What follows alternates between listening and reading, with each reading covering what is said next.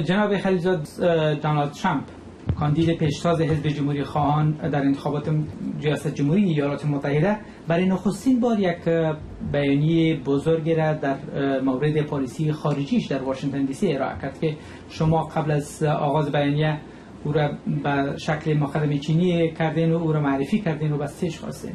این معرفی شما میشه که به نحوی حمایت شما را از آقای ترامپ نشان بده نه تشکیلی که از آقای ترامپ دعوت کرده بودن ما عضو برد از تشکیل هستم.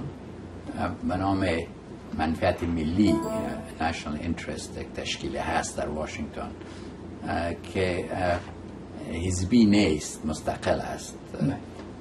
و آقای ترامپ تشکیلات دیگه هم می‌خواستن دعوتش کنن که صحبت کنن چون یک شخص که طرفداری زیاد در بین رپابلیکن ها یا جمهوری خواه داره هست و مورد توجه دنیا و امریکا و مطبوعات هم هست و او دعوت از این تشکیل قبول کرد و این تشکیل چون موضوع به بردشان هستم از مت خواهش کردم که اگر ما مسئولیت معرفی کردن آقای ترامپ داشته باشم و یعنی به هیچ وجه نشانی از حمایت مستقیم از آقای ترامپ نبود. نه ما اوجه در صحبت خودم که اگر متوجه بودین چیزی نگفتم که من طرفداری می‌کنم و عین تشکیل از کاندیدای دیگه هم دعوت کردن بله. که بیان بیانیه خود درباره سیاست خارجی خود برای امریکا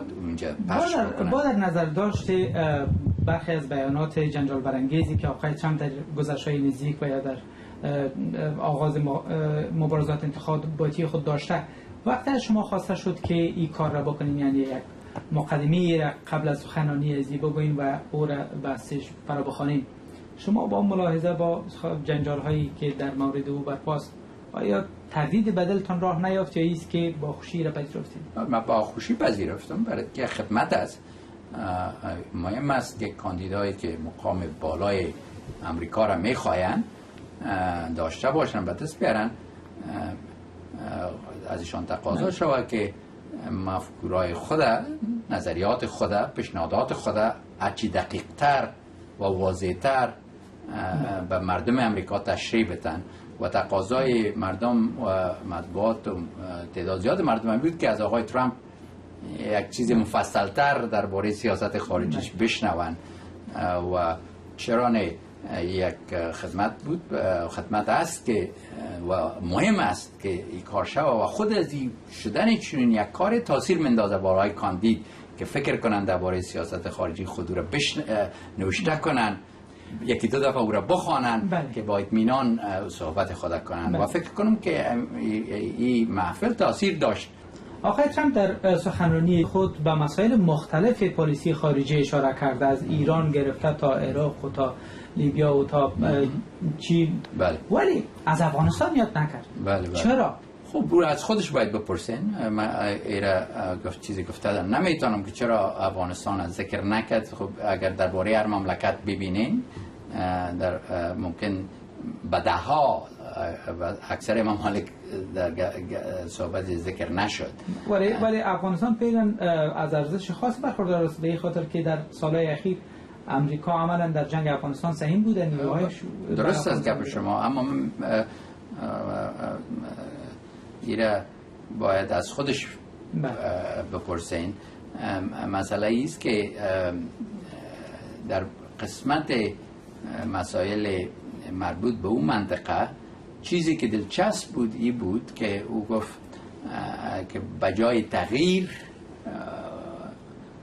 به دوام زیادتر علاقه خواد بگیره که یکی از سوالایی که در فکر خودم هم گشت که برای که اوضاع آرام بمانه باز وقت تغییر ضرور است. برای که اوضاعی که اقدر بد باشه از نگاه خدمت به مردم از نگاه امنیت برای مردم از نگاه آینده اقتصادی مردم آزادی سیاسی برای مردم اوضاع قسمی باشه که مردم راضی نباشه.